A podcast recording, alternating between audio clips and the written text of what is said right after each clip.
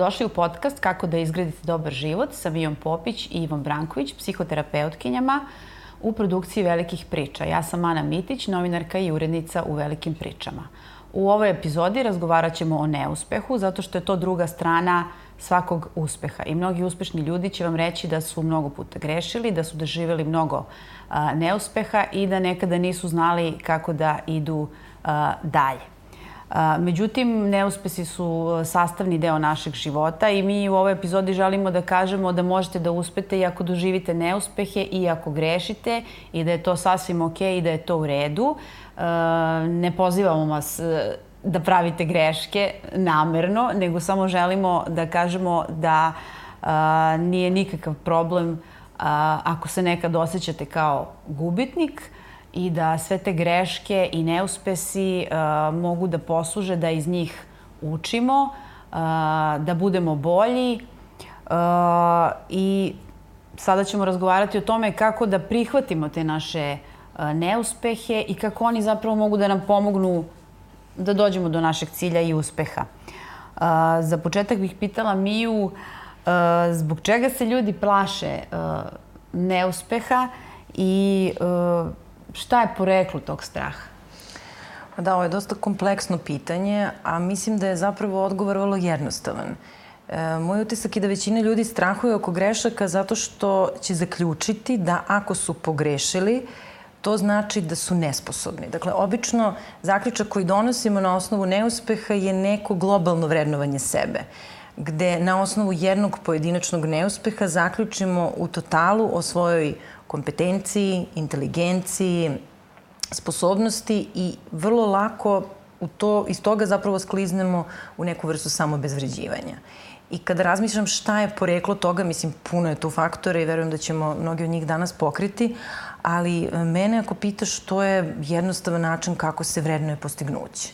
Dakle, mi vrlo rano, već od osnovne škole, naučimo da e, smo nedovoljni ili smo odlični, ali i jedno i drugo je jedna vrlo generalizovana predstava ljudske ličnosti. Dakle, ne, ne kažu nam e, treba više da se potrudiš, nego nam kažu dobio si jedan, to znači da si nedovoljan. I odatle zapravo strah o, povodom greške. Jer šta ćemo mi zaključiti o sebi, to je ono oko čega mi strahujemo. Ne od greške same po sebi, nego tog doživljaja lične vrednosti koja je često poljuljena jer smo grešku napravili. Evo, ja ću ćemo dati jedan primjer. Sad sam se setila kad si govorila o, o, o ocenama. Moja prva ocena je bila jedinica iz matematike. A, u vreme kad smo mi išli u školu, mi smo odmah dobijali ocene. Mm. Deca u prvom razredu ne dobijaju sada ocene i to je dobra stvar, ali ta moja jedinica je bila ogromna. Ona nije bila mala, ona je bila baš velika. Evo ja, ja se sada sećam toga. Da, velika kao kuća.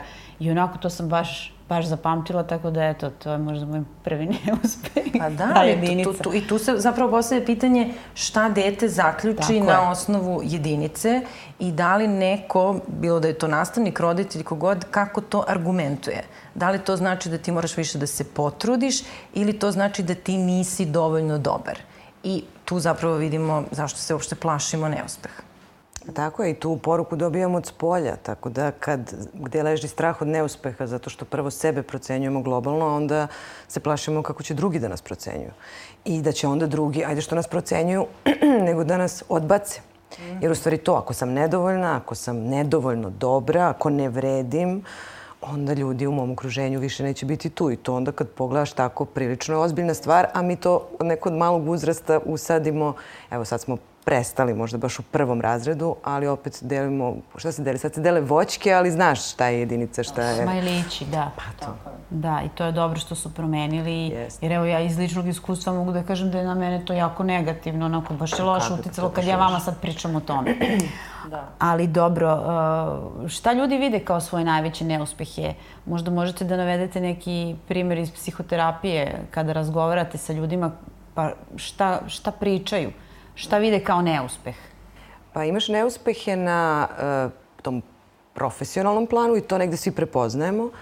I tu ljudi, oni pričaju o tome, ali ono što se češće dešava je da se neke stvari iz privatnog života tumače kao neuspesi. I to je ono što, što se najviše prepoznaje kod mene, bar u psihoterapijskoj praksi, posebno što ja radim e, sa odnosima, odnosno ljudi pričaju o svojim odnosima i tu su vrlo ranjivi.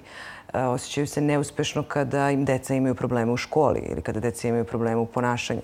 Osjećaju se neuspešno onda kada nisu uspeli da sačuvaju brak, kako se to kaže. Čak se i koristi ta terminologija.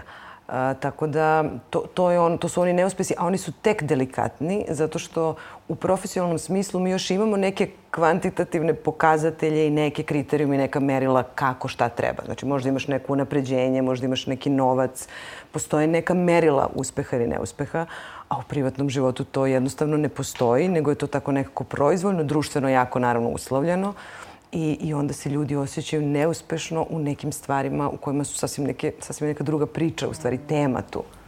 Da, to i nije pitanje uspeha ili neuspeha. Nije, ali se podjednako mm -hmm. jako osjeća, jer mi to isto govorimo. Kao što se ostvaruješ na poslu, ostvaruješ se kao majka, pa se ostvaruješ jel, u ljubavi, pa, pa čuvaš brak, pa nekako prosto neguješ porodicu i sve to onda dobije te, te karakteristike, te priče. Uh, I, ovaj, I zaista je teško ako se tu onda merimo, jer tu onda postoji gomila nekih problema i merenje sa drugima i osjećaj neadekvatnosti i, i nemogućnost da se, i nerealni kriterijumi ili očekivanje. Meni je, ovaj, skoro mi jedna klijentkinja rekla kako imala sam toliko veliko očekivanja od svog deteta zato što sam se kretala u kontekstu gde su deca bila takva. A onda sam otišla na put, upoznala neke ljude I oni su potpuno drugačije gledaju na svoju decu. Nemaju od njih tako visoko očekivanja. Ja sam shvatila da je u redu.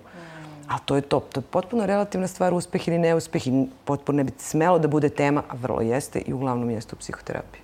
A rekla si sada, ta klijentkinja ti je rekla, kretala se u nekom krugu gde je sve kao bilo uspešno, ali to jednostavno nije istina. Mi samo uh, vidimo uspehe, a niko ne vidi uh, neuspehe. A iza svakog uspeha se krije neuspeh i mi ćemo u narednim epizodama ovog našeg podcasta se baviti temom neuspeha.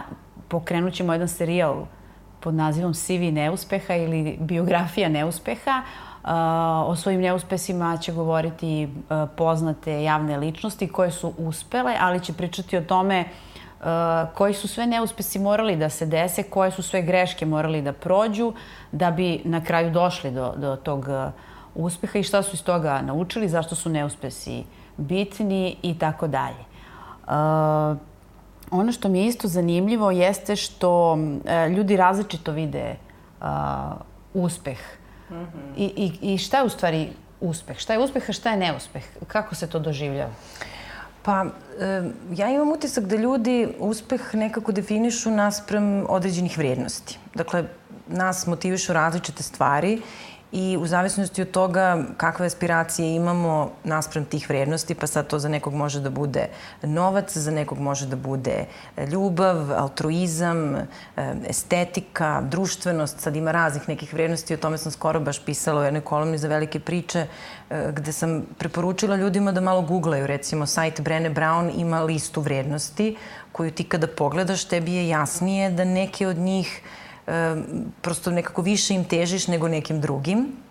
I ljudi najčešće svoj život, ako tako mogu reći, mere nasprem tih vrednosti. A onda iza toga i zaključuju da li je nešto uspeh ili nije. Mislim, to je dosta onako stvarno teško pitanje jer je vrlo subjektivno, ali ako gledamo društveno kako je konstruisano, to je ovo što Iva rekla, svugde negde ti možeš da se sapleteš o neki neuspeh. Ako nisi sa tom porodicom koju si zamislio, ako ti posao nije osmišljen na način kako si zamislio, vrlo lako ćeš da doživiš da se prosto osjećaš manje vrednim, jer to nije prema nekim standardima koji su društveno nametnuti. Tako da, prepostavljam da je odgovor na tvoje pitanje da je uspeh ono što je za nas lično, obično vezano za naše vrednosti, ali nije samo to, nego je često vezano i za te neke pritiske koje doživljavamo iz sredine šta se smatra uspehom.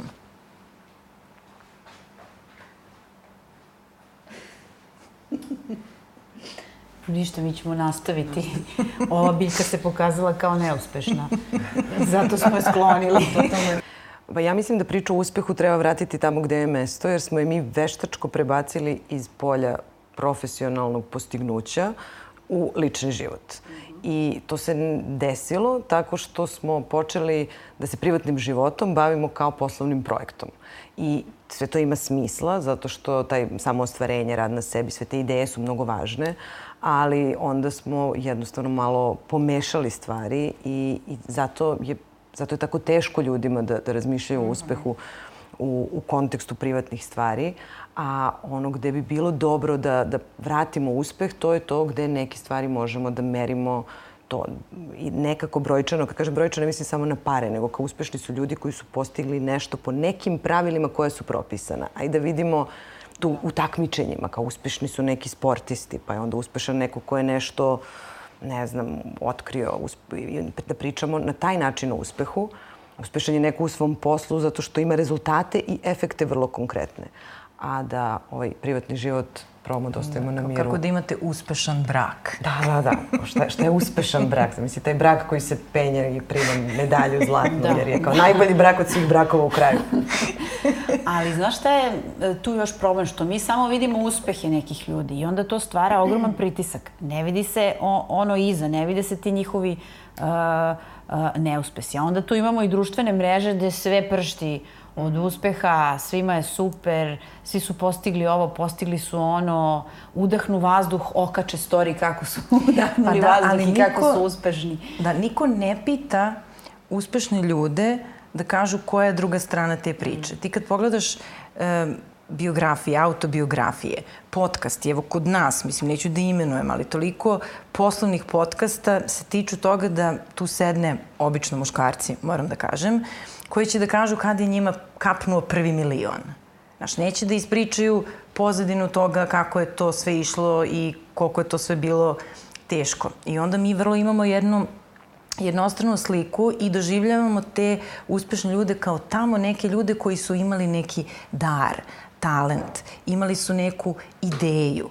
Znaš, mnogo se priča o inovacijama, kao ti sad prosto sedneš i samo ti neka ideja prosto se javi i ti sad to sprovedeš u delo i postaneš uspešan. A pre toga ustaješ u 5 sati ujutru Jest. i ideš da trčiš. Ali to je, ovaj, ok, oni uvek te priče sadrže trud, ali su uglavnom linearne. To je ono jeste, što je problem. Jer jeste. kao jeste velika borba i jeste da je neprijatno i da je teško i to još i dobijemo. Kao neko mm. se mnogo mučio, ali izgleda kao da je ovako jest, išao. Jest. A nije, nego je išao pa je pao, pa se nije snašao.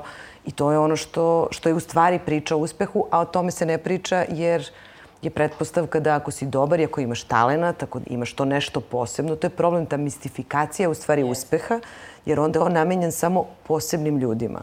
A zapravo uspeh može da bude i u manjim stvarima i u nekim jel, običnim stvarima, običnim regularnim poslovima, ne samo onima koji se vide u medijima ili na Instagramima da. i tako dalje ali ih mi ne vidimo jer tako glorifikujemo tu priču.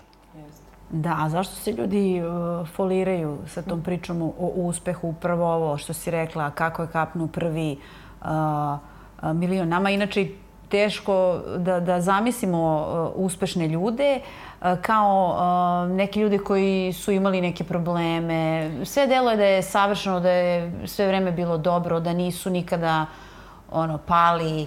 Pa pazi, foliraju se zato što su narcisi koji kroz jednu grandioznu sliku o sebi zapravo kompenzuju jedno bazično osjećanje nesigurnosti. I ta lažna slika često ide iz narcizma, a ono što je zapravo svojstveno autentičnim ljudima koji su nešto uspeli, i o tome Adam Grant mnogo lepo piše i priča, on govori o jednoj skromnosti – u kojoj oni jesu stekli određene stvari, uspehe, što god, postigli su neke revolucionarne stvari čak, ali su sačuvali određenu sumnju u to da im je nešto sad Bogom dato zato što su nešto postigli.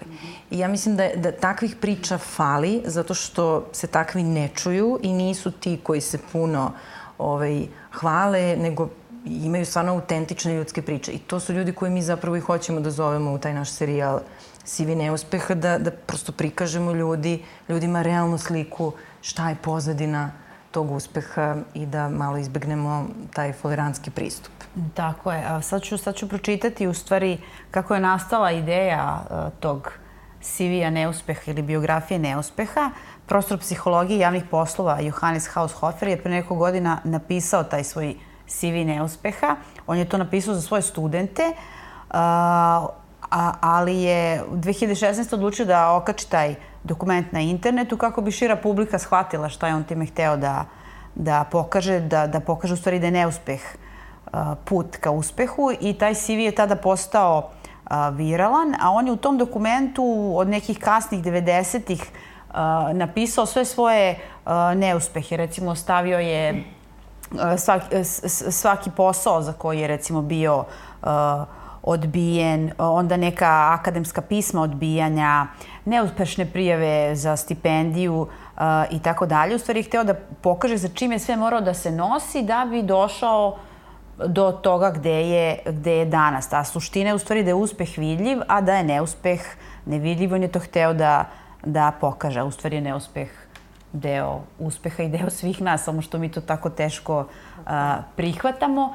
I e, sad bih se vratila na pitanje mentalnog zdravlja, e, kako sve te priče o mega uspešnim ljudima i kao svi su uspešni utiču u stvari na ljude. Oni se onda osjećaju kao još veći gubitnici ako nekada nešto pogreše, a grešimo svi svaki dan, i ako dožive neke neuspehe. Zato u stvari i želimo da pričamo uh, o tome. Kako utiče to na mentalno zdravlje? Pa, ja mislim da smo mi svi skloni socijalnom upoređivanju i tu nam svakako društvene mreže ne pomažu i vrlo lako može da se desi da ostanemo potpuno poljuljani u, u pogledu svog samopouzdanja kad smo napadnuti svim tim slikama uspešnih ljudi, to što ti kažeš ustaju u pet, pišu zahvalnost, imaju te neke rutine i slično. Mislim, postoji čitav, u stvari kad pogledaš, recept kako ti da budeš uspešan. I ja mislim da je to vrlo problematično, zato što ljudi koji su možda savesni, skloni disciplini i samodisciplini, kad to vide, jasno im je da to nije realno. Čak i ako imaju tu neku vrstu ovaj, savesnosti. Tako da, kako god okreneš, to, to te o, dovede do jednog osjećanja niže vrednosti. Jer imaš jednu sliku, vrlo jednostrana i vrlo je nerealistična i sasvim sigurno ćeš da završiš sa osjećanjem niže vrednosti. Da, a šta je sa pričom o, o nezdravom perfekcionizmu i toj priči o uspehu? Pa to je to očekivanje da uvek moramo da budemo savršeni. I, i to da moramo da ispunimo neke kriterijume koje ni sami baš ne znamo koji su, ali stalno nam izmiču u stvari. Ja tako uvek vidim perfekcionizam jer zapravo nikad nije dovoljno dobro. Pa onda druga strana toga može da bude onda odlaganje. Jer u stvari to jeste problem što mi osjećamo te skobu kada smo izloženi zapravo ti, tome da se stalno upoređujemo i da nismo dovoljno dobri. A onda to utiče na naše ponašanje, zato što zapravo, paradoksalno, onda ne možemo da budemo onoliko uspešni koliko bismo bili, jer imamo utisak da ne možemo da radimo po tom receptu koji je Mija spomenula i stalno sebe procenjujemo iz te perspektive, ne upuštamo se u stvari u koje bi se inače upuštali i zapravo ne, ne rizikujemo, ne testiramo, nismo kreativni jer zapravo mislimo da se stvari rade na određeni način. U toj priči o tim uspešnim ljudima, mislim, ta priča nije krenula sa lošom namerom. Ima u njoj dosta dobrog u smislu da je ona motivišuća, kao ajde da vidimo kako je neko, samo što ako je uzmemo bukvalno, uh, i onda, onda ona može zaista da bude parališuća. Zato što ja stvarno nikad neću ustajati u pet ujutru i ja sam onda sa uspehom završila za uvek. Znaš, kao to, to je stvarno, ali, je, ali osjetiš stvarno neprijatnost, čak i kad znaš da nije, kad vidiš tu knjigu i kad vidiš ljude koji čitaju, ti onda kažeš, pa čekajte, šta sa mnom nije u redu? Zašto ja ne mogu da ustanem u pet ujutru kad čitav svet ustaje kao taj uspešni, sjajni. To je taj pritisak sjajni. koji se pa stvara pa, ljudima je. kada to je ta nelagoda, kako god čak i da to radiš, na se, prosto to ti izaziva. Kad god postoji tako neki jasan recept, kao, e, ovo se ovako radi. Svi se zapitamo, jao, pa možda se stvarno ovako radi, jer zapravo svi manje više nemamo pojma kako se živi život, nego ga živimo, testiramo, pokušavamo, idemo i trebalo bi kroz to da učimo i da to tako radimo, a kad nam neko da recept, onda prvo mu poverujemo, pa tek onda možemo da ga relativizujemo i da se malo opustimo. To je stvarno stres. Ja bih možda ovde dodala vezano za nezdravi perfekcionizam da nije loše da ga stavimo u kontekst jednog odbranbenog mehanizma. Jer zapravo nezdravi perfekcionizam je ideja da ja ako uspem, ako postignem, ako se dopadnem drugim ljudima, ja vredim. To je suština, onako na nekom misalnom planu, suština e, nezdravog perfekcionizma kao jednog emocionalnog problema. I ja često o tome razmišljam i pričam sa svojim klijentima i pitam ih, ok, kada biste sve to uspeli? Kad bi stvarno mogli da zamislimo tu neku fantaziju u kojoj vi sve postižete besprekorno, svima se dopadate, e, sve radite po nekim najvišim standardima kojih se držite, kakav bi to život bio. I onda dođemo do toga da zapravo kad bi ti bio uspešna i savršena osoba, tebe niko ne bi ostavio. Ti nikad ne bi dobio negativan feedback, ne bi te ostavio partner, ne bi dobio otkaz. Budućnost bi bila sigurna, jer kao budućnost pripada uspešnim ljudima, o tome stalno slušamo. Što znači da zapravo je nezdravi perfekcionizam jedna vrsta fasade ili neke iluzije da ako ti uspeš da dobaciš do toga, ti ćeš da se potpuno suprostaviš sobstvenoj ranjivosti. Znači, i svi, i svi tvoji strahovi će biti rešeni, jer niko te neće ostaviti, niko ne ostavlja savršene ljude, uspešne ljude. Ti ćeš prosto imati sigurnost u emocionalnim, poslovnim odnosima i imaćeš sigurnu budućnost. I ja mislim da je zbog toga jako teško odustati od te ideje da ti moraš da stremiš uspehu, jer u tome vidimo zapravo recept za to da kao ljudsko biće budemo validirani. I ono što sam naučila od svojih klijenata koji teško odustaju od perfekcionizma je da im se dopadne ideja zdravog perfekcionizma. A to je da ti ne moraš da odustaneš od svojih visokih standarda, ali možeš svaki uspeh ili neuspeh da vidiš kao pokazatelj da tvoja strategija, i to je ovo što Iva rekla, mnogo je bolje držati se toga na poslovnom planu, da je tvoja strategija možda dobra, ako je uspeh, pa onda je učvrsti i idi tako, nastavi dalje, Ili ako si doživao neuspeh, menjaj strategiju. Ali znači, uspeh je samo informacija o tvom ponašanju, a ne o tvojoj ličnosti i o tvojoj vrednosti. I tu često čujem od mojih klijenata kao uf, kao dobro je, znači ne moram da odustanem od visokih standarda. Ne moraš, ali oni nisu pokazatelj toga koliko ti kao osoba vrediš. I to mislim da je suština. Znači to nije ono ti nisi dobar, nego to što si uradio nije I mi to Dobro. sada znamo i sve više o tome učimo kada podižemo svoju decu, da. ali je poenta da stvarno u to istinski mm -hmm. poverujemo. I, a to, to je teže. Taj deo je teži, jer ja recimo, mislim, većina nas je tako vaspitano i ja se sad stvarno trudim recimo sa svojim čerkom kad pričamo o ocenama, da stvarno to mislim, da to ne bude jedna rečenica koju sam opet naučila u nekom psihološkom priručniku, kad joj kažem mnogo mi je bitno da vidim da si se potrudila. Ako si se potrudila i dobila, ne znam, trojku, četvorku, ok je, ajde vidjet ćemo šta treba sledeći put bolje. I mislim, onako, evo, iskreno kažem, nije uvek meni to lako, zato što ja stvarno mislim da ona treba da ima sve petice, kao javno to da kažem, ali se borim sa sobom da je više učim da bude zdravi perfekcionista nego nezdravi. Dobro, a šta ćemo mi što grešimo kad, kad pogrešimo? Ovaj, I šta ljudi koji se boje greške misle da će se desiti kada pogreše? Upa misle da će biti posramljeni. Misle da, I, mislim, to im se vjerojatno i desilo, zato što to je to, kad, jer svi smo imali u iskustvu iz roditeljske brige, roditelji kada vide da dete nešto pogreši ili ne uradi, oni preterano reaguju i onda tako se i obraćaju, pa kažu ti si dobar ili nisi dobar. Mislim, ono čisto to globalno vrednovanje kreće od, od malih nogu. Tako da ljudi onda stvarno misle, ako pogrešim, sad to iz moje perspektive, pošto se ja bavim odnosima, ljudi će videti da ja zapravo, a svi nosimo neke nesigurnosti, tako da ako ja pogrešim, ljudi će videti koliko ja stvarno ne znam ili ne vredim ili ne umem ili kako god.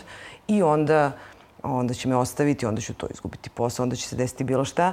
I, I to je ono što je stvarno veliki strah kod ljudi i jedini način da se zapravo prevaziđe je da se to testira, da, da se proba. Da. Zato što sve ovo što mi pričamo i kad mi zamišljamo ovako greške, onda je to uvek deluje strašno. Kao sad, ako ne znam, ovde krene da se dešava neki haos i krenemo sve te tri da bagujemo, ne želimo da se to desi, neprijatno nam je to. Ali ako bi se to desilo, mi bismo to zapravo popravile i uvek, uvek i pričamo zapravo o tome na početku. Ako nam nešto krene, prekinućemo, nastavljamo dalje. Znači, otvaramo prostor, dozvoljeno je. I to je možda neki prvi način. Jer stvarno je nekako ranije u vaspitanju to bilo. Kao mora da se to dete mora bude lepo vaspitano, mora sve da bude kako treba, moraš da se ponašaš kako treba. To jeste jedan narativ koji je prilično ograničavajući. Mora da budeš za primer. Da, dete za primer. Dete da. za primer.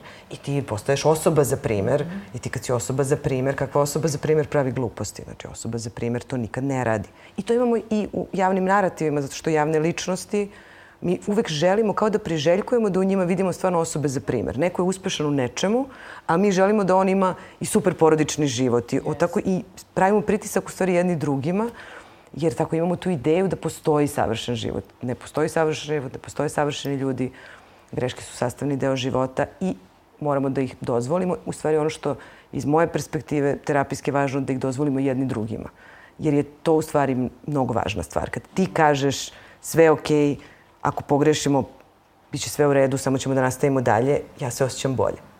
I znači, time ja sebi dajem pravo na grešku i to se dešava u ovom sistemu. Znači, a, a to radimo sa sobom mislim? i radimo sa drugima, ali moramo svi nekako da imamo tu svest. Mislim, bilo bi dobro. Sad, ako bismo nešto pogrešili, ja bih to ostavila u podcastu, jer mislim da ne bi bilo sve da mi ljudima pričamo o tome kako, ok, grešiti, a onda mi uh, pustimo našu, našu grešku i sečemo u montaži. Ja mislim da je super da vide da vide znači da, da ćemo mi... da ostavimo Babiće koji nam se ušunja u podcast i odne u biljku ili... Pa, jer mislim da bi morali to da ostavimo jer to se desilo. Pa ja mislim Tako, da je okej okay da, da, da, deo da, toga bude tako. da ljudi vide da i mi grešimo i da mi nismo ovaj, savršeni kad već svima pričamo e, o tome. To, to je fair. Ta, e, ima različitih vrsta grešaka. Ima neki grešaka koje su uh, korisne i neke iz kojih zaista možemo da učimo i neke greške koje se jednostavno dese, a moramo sebi da ih oprostimo. I da isto iz njih nešto naučimo, ali, ali nisu korisne. Tako da sad u ovom podcastu bi bilo super ako napravimo grešku da ga ostavimo, a nekada ako baš nešto kažemo što nije tačno, valjamo, valjalo bi da isečemo zato što da. ljudima nije korisno. Ali to je isto važno, da ni greške ne uzimamo kao sve su greške katastrofa. Neke, sve greške su prilika za učenje, znači to bez ikakve dileme, ali, ali su neke greške zaista super, neki eksperimenti. Mislim, eksperimenti, naučni eksperimenti su zapravo greške. Znači, ti pokušavaš nešto sa idejom da će to da ti uspe 50-50. I mi kad ne bismo imali greške, mi ne bismo imali razvoj, ne bismo imali nauku, ne bismo imali ništa, inovacije, ne bismo imali kreativnost. Umetnik krene pa ne razmišlja da li će da pogreši, nego nešto izbacuje pa to ispadne ili dobro ili loše. Znači, zato je važno da probamo stvarno da to promenimo, tu ideju grešaka i da je vratimo na to što one zapravo jesu. One stvarno jesu prilika za učenje. Kogod da to zvuči kao floskule, kao kliše, to je tačno. Jer jedino u životu što je izvesno ćemo grešiti i ono što bi bilo pametno da onda nešto iz toga naučimo. Imam jednu sad ideju. Kaži. Palo mi je na pamet. Da bi to zapravo mogli da radimo možda kao malo istraživanje ili da pitamo ljude koji nam budu sagovornici u CV-u neuspeha. Uh, jer su mi pale na pamet priče nekih mojih klijenata i klijentkinja koje su podelile sa mnom šta su im roditelji rekli da će se desiti ako pogreše. Mm -hmm. Tipa, ako ne završiš fakultet, e, završit ćeš među džubretarima. Da, to je čuvena rečenica. Ili, ako ne da završiš da fakultet, da, ovaj, sećam se jedne, ovaj, kao, ako ne završiš fakultet, morat ćeš mužu da pereš noge. Znaš, i sad, tu su razne stvari koje smo mi čuli, koliko god su nam sad iz ove perspektive smešne. Mislim, ja recimo znam da, da kod mene u porodici uopšte nije bila opcija da se fakultet ne završi. Kao, ako ne završiš fakultet, ti ćeš da propadneš. Da. A kao niko ti ne objasni kako ćeš ti to da propadneš i šta sa ovim ljudima koji nisu završili fakultet, a evo ih nisu propali. Mislim, to je taj neki ono crno-beli način gledanja stvari gde, gde deca budu vrlo rano zastrašena I to je zapravo, vraćam se na ovo tvoje pitanje, poreklo tog straha. I mislim da te takođe poruke nekako nije loše da iznesemo za sto, ovaj naš novi super da. cool sto, i da prosto vidimo koliko je to istinito, koliko je to stvarno utemeljeno u onome što vidimo u realnosti. A koliko mi u stvari propuštamo prilika i šansi uh, zbog tog straha uh, da ćemo da propadnemo ako negde pogrešimo, ako nam se desi neki neuspeh i tako dalje. S obzirom to da si rekla da su to prilike za učenje. Pa ja verujem puno. I mislim da ljudi, da ljudi vrlo često ne ulaze u situacije koje, koje bi možda ušli zato što nisu sigurni kako će to biti protumačeno ili da ne pogreše. I znam da ljudi vrlo često neće da kažu ono što misle u nekom kontekstu, da, da, drugi, da ne bi rekli nešto glupo ili da drugi ne bi mislili da smaraju ili da, da možda izraze nešto što je pitanje, a onda bi se bilo to bilo protumačeno kao da su negativni, a sve se to onako definiše u stvari kao greška i sve to sprečava da se zapravo nešto novo desi. I to zato jeste tema u, u organizacijskom sada kontekstu, zato što su upravo greške tema ako hoćemo pričamo o inovacijama jer one su neophodne da bismo mi bili bolji. Neophodno je da o njima pričamo, da ih analiziramo, da ih proradimo i da iz njih nešto naučimo. A ako ih ignorišemo ili ako ih izbegavamo, e ako ih izbegavamo, onda nećemo ništa uraditi. E sad to možda bude bilo šta. Mi se plašimo od neuspeha na različitim poljima, ali možemo da ne uđemo u neki poslovni poduhvat ili možemo nekoj osobi da kažemo, da ne kažemo šta osjećamo zato što se plašimo da nećemo dobiti adekvatan odgovor i da se ništa ne desi. Da. da. da. Izbjegavanje, suštine u izbjegavanju. Mm -hmm. e, mislim da bi svima bilo mnogo lakše kada bi uspešni ljudi otvorno rekli koliko puta su se slupali, ono, koliko puta su pogrešili ili doživjeli neki neuspeh i e, zato mi je drago što ćemo u nekom narodnom periodu go, razgovarati sa tim nekim uspešnim ljudima e, i nadam se da će oni biti iskreni i, i e, govoriti o tome. Ti si pisala, Mija, jedan tekst za velike priče iz neuspeha ka uspehu, kao kako iz neuspeha vi da izvučete uspeh i evo pročitaću jednu rečenicu. Istina je da neuspeh može da vodi ka uspehu, ali samo po dva uslova. Mm -hmm. Sećaš se ne, koja su... Ne, sad se baš pitam šta sam rekla. da ti kažem, pa ćeš ti da objasniš.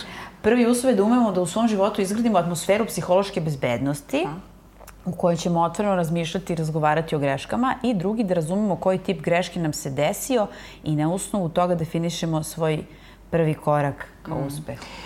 Da, sećam se tog teksta i on jeste bio uh, motivisan jednom temom kojom se Iva i ja dosta bavimo, a to je pojam psihološke bezbednosti. Mm E, I vrlo je zanimljivo zato što je zapravo Google proslavio tu temu, a malo, ja bih rekla nepravedno, je ona zapravo začeta mnogo prije nego što je Google otkrio psihološku bezbednost. Kada je doktorka Amy Edmondson, koja je doktorirala baš na temu psihološke bezbednosti, se bavila timskom dinamikom. I sad da ne idem pre, pre dugačko u čitavu tu ovaj, njenu naučnu studiju, ono što je suština je da je ona utvrdila da oni timovi koji su najefektivniji, koji su najbolji, evo i mi sad kao jedan tim na ovom podcastu, um, zapravo da bi bili najbolji u tome što rade, oni moraju da imaju najotvoreniju moguću komunikaciju po pitanju grešaka. I to je zaista uh, potvrđeno kroz niz nekih studija. Postoji sjajna knjiga koja se zove Black Box Thinking, uh, um, koja se dosta osvrće, i ja sam nju čitala pre nego što sam otkrila Amy Edmondson, a osvrće se baš na to. Koji su to konteksti, sistemi koji su stvarno inovativni, produktivni, ono, daju vrhunske rezultate i šta je zapravo njihova ključna karakteristika. To je atmosfera psihološke bezbednosti u kojoj je stvarno istinski ok da se priča o greškama, da se otvoreno komunicira, da se da negativan feedback. To je zapravo jedna hrabrost da se vode uh, teški razgovori. Ja bih rekla da većina nas nije na to ovaj, spremna i nismo to naučili. Ili se plašimo da ćemo nekoga povrediti ili se plašimo da ćemo mi izaći iz neke komunikacije povređeni i tu gde nema psihološke bezbednosti obično nema ni vrhunskih rezultata. A ovo drugo je vezano za tip greške. Jer ja recimo kada radim sa organizacijama, kada uđem u neki biznis, oni svi kažu da greške su prilike za učenje. I uglavnom jesu ako su to ove greške o kojima je Iva pričala, koje su neka vrsta eksperimentacije to su onda stvarno prilike da ti kroz pokušaje i pogreške dođeš do nekog super proizvoda. Recimo, ne znam, u softverskom svetu, ako se pravi neki proizvod, on mora da prođe kroz razne neke prototipe, testiranja, pokušaje, pogreške da bi se došlo do tog nekog koji je idealan. I to su ono što mi zovemo inteligentne greške, greške iz kojih učimo. Ali postoje stvarno neke glupe greške.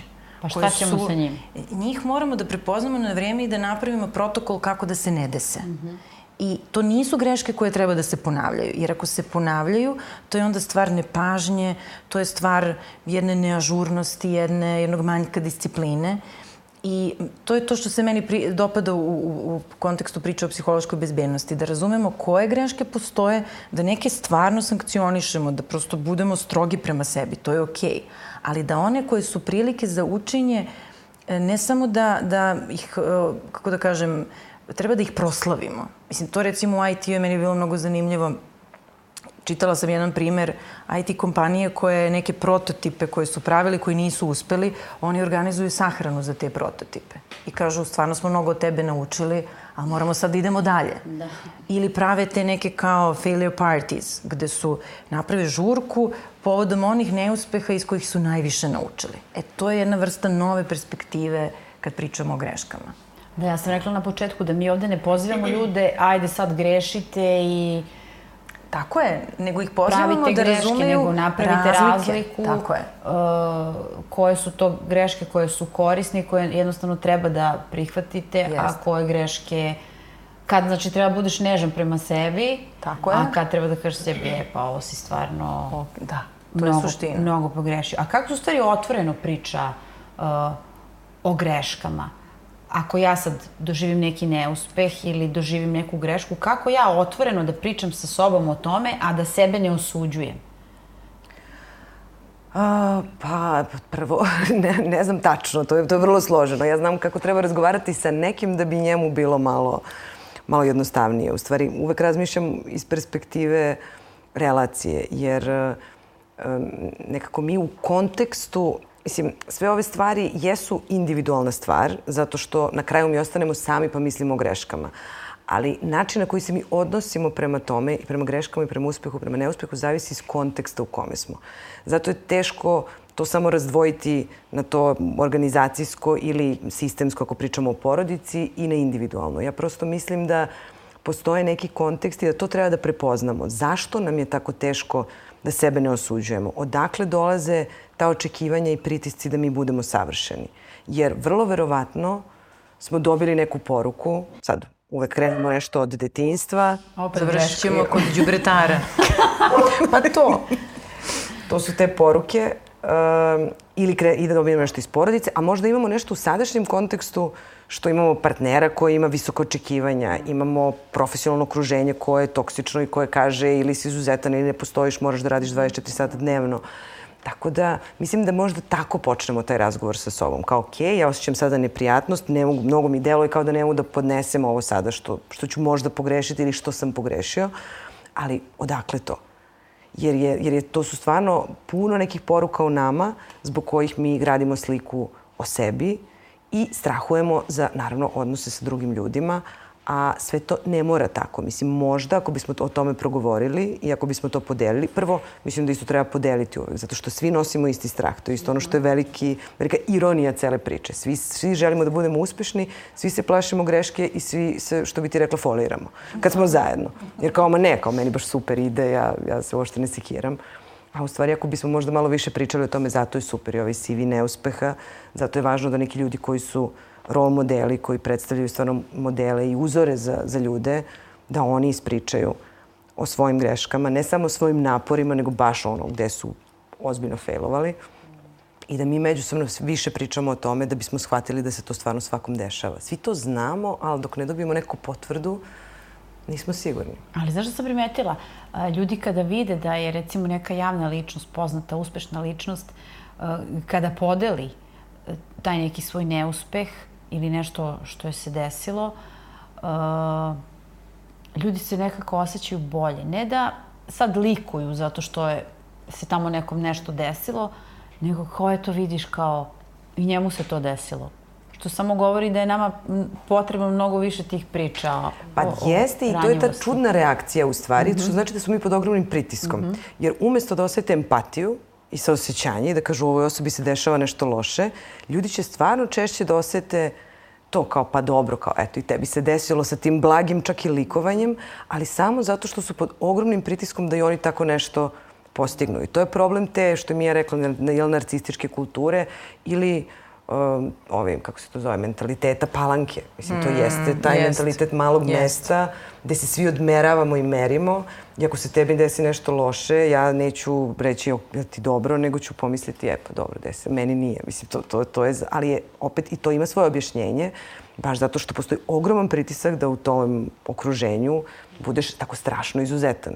I onda se zapravo raduješ tuđem neuspehu, što nije ni lepa emocija. Mislim, ljudima suštinski ne prije, samo im na trenutak daje privremeno olakšanje od tog velikog kao. pritiska koja je, evo ga, i kao i ovo, Ja ovo mi je sam loše. super, ti nisi, kao Tako dobro je. A to je stvarno kratkoročno. A sad razmišljam, ima tu još jedna stvar. Sa takvom jednom filozofijom potpuno se gubi autentičnost ljudi.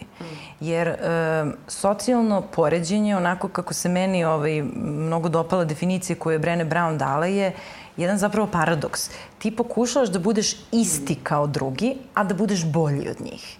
I onda zapravo je uspeh često uniformisan. I to je to o čemu je malo pre Iva e, pričala, taj recept koji nikako da uhvatimo, jer kao postoji jedan recept, ustani u pet i šta god. I, I onda svi nekako postaju isti. Znaš, ti kada zamišljaš uspeh na filmu, to je u pet ujutru, pa onda zeleni sok, pa onda se sedi na traci dok se nešto čita i onda se užurbano sa nekom cool kafom ulazi u kancelariju. Kao mi znamo... To zvuči kao pakao. Pa znamo, to, to je to. Mislim, naravno da je pakao. A kao to ti je slika uspeha. Ali jeste, realnost delo je strašno cool. Da. I onda, znaš, onda, su, onda to postaje tako nekako uniformisano i svi su to i tu se potpuno gubi autentičnost. I ja mislim da mi kada slušamo autentične priče uspešnih ljudi u smislu to kako su se borali, kako im nije bilo lako, bilo im je ovaj, sve to teško, e, tu bude nekada bude manjka empatije, nekada bude tog olakšanja, ali ponekada bude zapravo i jednog ljudskog razumevanja da smo mi svi u tom istom sosu i moja neka pretpostavka je da nam se takvi ljudi zapravo više dopadnu. Mm -hmm. Jer kao, e, svi su po uspehu isti, ali po neuspehu se razlikujemo. Zato što to, na koji način ljudi mogu da zeznu nešto, to je, mislim, vrlo kreativno. I ja, u da. principu, volim da čujem te priče, ne, ne samo ovaj, da bi mi bilo lakše, nego zato što mi se dopadaju ljudi koji su otvoreni na taj način. Da tako budu hrabri da kažu gde im nešto nije pošlo za rukom. A zašto je teško se priznati neuspeh? Jer ljudi, te, teško im je da kažu da, da u nečemu nisu uspeli, da to prihvate, pa, a kamoli da ispričaju nekome Pa možda drugom. baš zato što nailaze na ovakve reakcije. Mm -hmm. Znaš, ili mogu da naiđu na sažaljenje, ili mogu da naiđu na to kao lagano likovanje i podsmeh. I to nije neobično, to se dešava. A to su dve reakcije koje se najčešće javljaju jer svi imamo taj strah od, od neuspeha i onda kada druga osoba to iznese, mi imamo te nesrećne reakcije i tako se onda taj začarani krug nastavlja da se vrti. Ako bismo Kažu da je najbolje kad želimo da kreiramo psihološki bezbedno okruženje, sad pričamo o profesionalnom kontekstu, ali isto je i za, za privatne odnose, uh, kada neko ko je u poziciji moći, ako pričamo o liderima u timovima, kada ispriča nešto što se njemu desilo. Znači, i da onda na taj način podstaknemo druge da oni ispričaju. Jer u stvari priča o neuspehu je dobra prilika za deljenje, za povezivanje. Da, da prosto razmenimo tu ono, univerzalnu ljudsku teskobu s kojom smo se svi suočili, a ne da se merimo. I to je, a, a neprijatno je zato što vrlo često upadnemo u zamku da se merimo i svi smo sa druge strane naišli na te reakcije, da te neko onako pogleda sažaljivo ili da se samo osmehni kao pa dobro, meni je, usp... mislim, to, to se svima desilo, to je strašno neprijatno. Ali se pogotovo dešava na, na privatnom planu. To je ovo što si ti rekla. Ja recimo kod mojih klijentkinja često čujem greška koju sebi ne opraštaju, ovo što si pitala. Mm -hmm. Profesionalno je što nešto nisu probale ili se nisu na vreme predomislile, nisu promenile posao pet godina ranije ili odustale od fakulteta, upisale drugi. Ali često na privatnom planu sebi prebacuju grešku u proceni. Znaš, kao da je procena drugih ljudi podložna nekom besprekornom kognitivnom algoritmu. Kao ako vidiš ovo, onda zaključiš to, onda te to vodi do ispravnog zaključka o toj osobi. I često sebi dugo, dugo prebacuju to što su nekada pogrešile u proceni partnera, pa se pokazalo posle ne znam koliko godina da se ne znam ja šta desilo, kao trebalo je to da znam koliko sam pogrešila. Kako sam mogla da, da. se zaljubim Kako njega. sam bila tako, tako glupa. Da, i, da. da. I to da. nije onda samo neuspeh, to je poraz. Poraz, to se da. tako, Jest. mislim, mi, mi tako imenujemo te stvari. Da. I, I to onda govori o tome kako mi doživljavamo te stvari, koliko su one jake u stvari. I naravno da nam je teško da, da. da ih delimo. Ako bismo možda promenili, eto to je možda odgovor na tvoje ono prethodno pitanje, pošto sam se sabrala, kako šta da radimo sa tim, da probamo da malo koristimo drugačije reči kada mislimo o stvarima. Mm. Da izbacimo iz privatnih stvari terminologiju, poraz, uspeh, neuspeh, katastrofa, već... I ostvariti puno, se. Ostvariti se. Da. Znači, prosto da, da nazovemo stvari pravim imenom. Dobro je, u redu je, lepo je, jer to je ono što, što je istina vezano za razne neke stvari koje se nama dešavaju. A, ima još jedan termin, to sam pročitala u tvom tekstu, popravljanje nepopravljivog. Znači, oni ljudi koji ne mogu da se pomire sa nekim neuspehom, pa a, da bi dokazali da ipak to nije neuspeh, oni guraju dalje, nastavljaju. Recimo, kada brak nije uspešan, pa ono, umesto da se razvedu ili ne znam šta, krenu na psihoterapiju ili oni uporno pokušavaju, a, a nešto ne može da se popravi. Nekad moraš da kažeš, ne, ono, to je kraj, ne, ne, ne, ne može dalje. Pa da, to, to je, mislim, to je ta priča o nezdravom perfekcionizmu gde su, kao što Iva malo pre rekla, e, principi koji su jasno merljivi, kao iz biznisa, se preselili na, na privatni plan.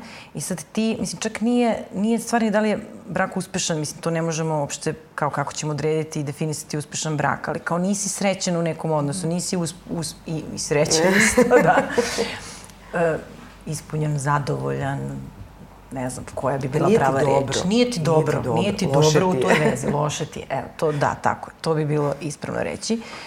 I sad ti umesto da izađeš iz toga, pošto ti e, brak proglašavaš kao neki projekat poslovni, onda se još više trudiš, ulažeš napor, jer ne puštaš i ne, ne odustaješ, to vidiš kao odustajanje, i zapravo sve vreme bežiš od zaključka da si bezuspešan u nečemu što uopšte ne može da se meri po tim kriterijumima uspeh versus neuspeh. I ja mislim da, da je to zapravo suština problema. Taj pojam, je, ja sam ga pročitala kod Adama Granta, se zove eskalacija posvećenosti, gde pojačavamo posvećenost na pogrešnom mestu. I to ti je praktično kao da ti sad, ne znam, ono, trudiš se da brže sečeš drva, a nisi primetio da si u pogrešnoj šumi. I kao ti se mnogo, mnogo, mnogo trudiš, a ti si jednostavno na pogrešnom mestu. Da ne bi zaključio sebi da si bezuspešan. A da li uopšte postoji uspešno nošenje sa neuspehom? Kako su stvari uspešno nosiš sa nekim neuspehom? Mnogo mi postojaš teška pitanja. da, da, kako, evo, lakše, kako se, kako, kako se hendluje neuspeh? Da. A, kako se hendluje neuspeh? Ono, na pravi način da... Pa prvo dišeš za početak, zato što je stvarno, mislim, on je neprijatno je. Da. Mislim, sad stvarno pričamo, greške su prilike za učenje, treba slaviti greške. Ali je teško. Ali mislim da je poenta u stvari razumevanje da mi možemo da istolerišemo tu neprijatnost koja će se desiti. Mi, eto i prošle put smo pričali o brigama, mi stalno zamišljamo stvari mnogo strašnije nego što one zapravo jesu. I u stvari ta prva ideja da možemo da podnesemo šta god da se desi, je osnova da se mi jednostavno smirimo. Jer u, u, u osnovi našeg razmišljanja o greškama je jako se ovo desi, ja ovo neću podneti. A zapravo podneću. Jer se desi, ja onda već posle tog trenutka kad prestanem da dišem, počnem da dišem i onda počnem da razmišljam, ok, ovo se desilo, šta ću sad u ovom ili onom pravcu. I onda kreću strategije rešavanja problema ili strategije prevladavanja u odnosu na nivo stresa koji se desio u, u organizmu. Tako da je to u stvari prvi korak, da, da razumemo da ćemo šta god da se desi, vrlo verovatno preživeti, jer zapravo greške kojih se plašimo nisu greške u operacionoj sali, niti su greške u upravljanju avionom. Tako da, a mi im taj, taj značaj im pridajemo. I to je ono što je, što je prilično važno, da je vrlo verovatno će od, nakon ovog se nastaviti život i mi ćemo naći neko rešenje da, da iz ovog izađemo još jedno pitanje, predposlednje pitanje, a to je pitanje uh, ko se više plaši neuspeha, žene ili muškarci? Koliko je taj strah rodno uslovljen? Žene. -hmm. apsolutno žene i taj čuveni imposter sindrom mm -hmm. uh, koji, ovaj, mislim, ja, ja prosto uviđam da se ljudi sad već onako prepoznaju o, o tome, ali ajde svejedno da ga de, definišemo. Dakle, strah da je pitanje trenutka kada će sva vaša postignuća i uspesi samo da nestanu kao neki penušavi balon kad ga pipneš um, i da će se pokazati da je to sve bilo stvar sreće, srećnih okolnosti i tako dalje. Uh, taj impostor sindrom je mnogo izraženiji kod žena. On se zapravo zove i sindrom uljeza, gde žene mnogo češće imaju taj osjećaj da im se uspeh desi u nekim uh, ili čudom ili srećnim okolnostima ili čak i ako su svesne da su se mnogo potrudile, svesne su da su se potrudile više nego što je trebalo i onda imaju često strah da ako se malo opuste, da će sve da propadne. I ja to stvarno mnogo vidim u praksi, to jeste i tema moje doktorske disertacije i sasvim sigurno, onako naučno potvrđeno, žene imaju mnogo više izražen taj impostor sindrom. Postoji čak i jedno pravilo u biznisu koje se zove tri puta više, da žena mora tri puta više da se potrudi da bi dobila identičan, identično priznanje i pohvalu uh, kao njen kolega koji prosto, eto, samo je tu muški kolega. Tako da, to je stvarno tako i mnogo je nekako tužno što je tako, ali jeste vezano za to koliko mi uspeh i inteligenciju i kompetentnost vezujemo za žene. A to znači da žena ne sme uopšte da pogreši, ona mora da bude bezgrešna. Pa često se osjećaju kao da moraju da. i da moraju mnogo više da se potrude i da jednostavno uh, uvek moraju da budu ono, spremne, 100% spremne. Mislim, ja znam recimo žene sa kojima radim coaching kad se pripremaju za neke događaje, kad se pripremaju za recimo jedno ovako gostovanje ili za šta god, one se mnogo više spremaju nego muškarci. Zato što prosto očekuju da neće ih dovoljno shvatiti kao ozbiljne i kompetentne. I to je sad stvar rodnih stereotipa, mogla bi o tome dugo da pričam, ali ti kada pitaš dete recimo sa sedam godina da ti kaže koja je pametna osoba u jednoj grupi, kažeš joj tu ima mnogo nekih pametnih U stvari kažeš joj im, tu su neki ljudi i ima jedna osoba koja je baš pametna i pokaže mi. Dete gotovo uvek pokazuje na muškarca, nikada na, na ženu. Tako da taj stereotip uh, o tome ko su inteligentni ljudi u našem društvu, to su zapravo često muškarci i žene su toga svesne i onda se previše trude i previše strahuju oko toga kako će biti percipirano. Da, evo za kraj, da li biste možda žele da ispričate neki svoj neuspeh iz kog ste naučile i koji vam je onako kao baš značio i koji ste kasnije posmatrali kao zapravo neku dobru stvar?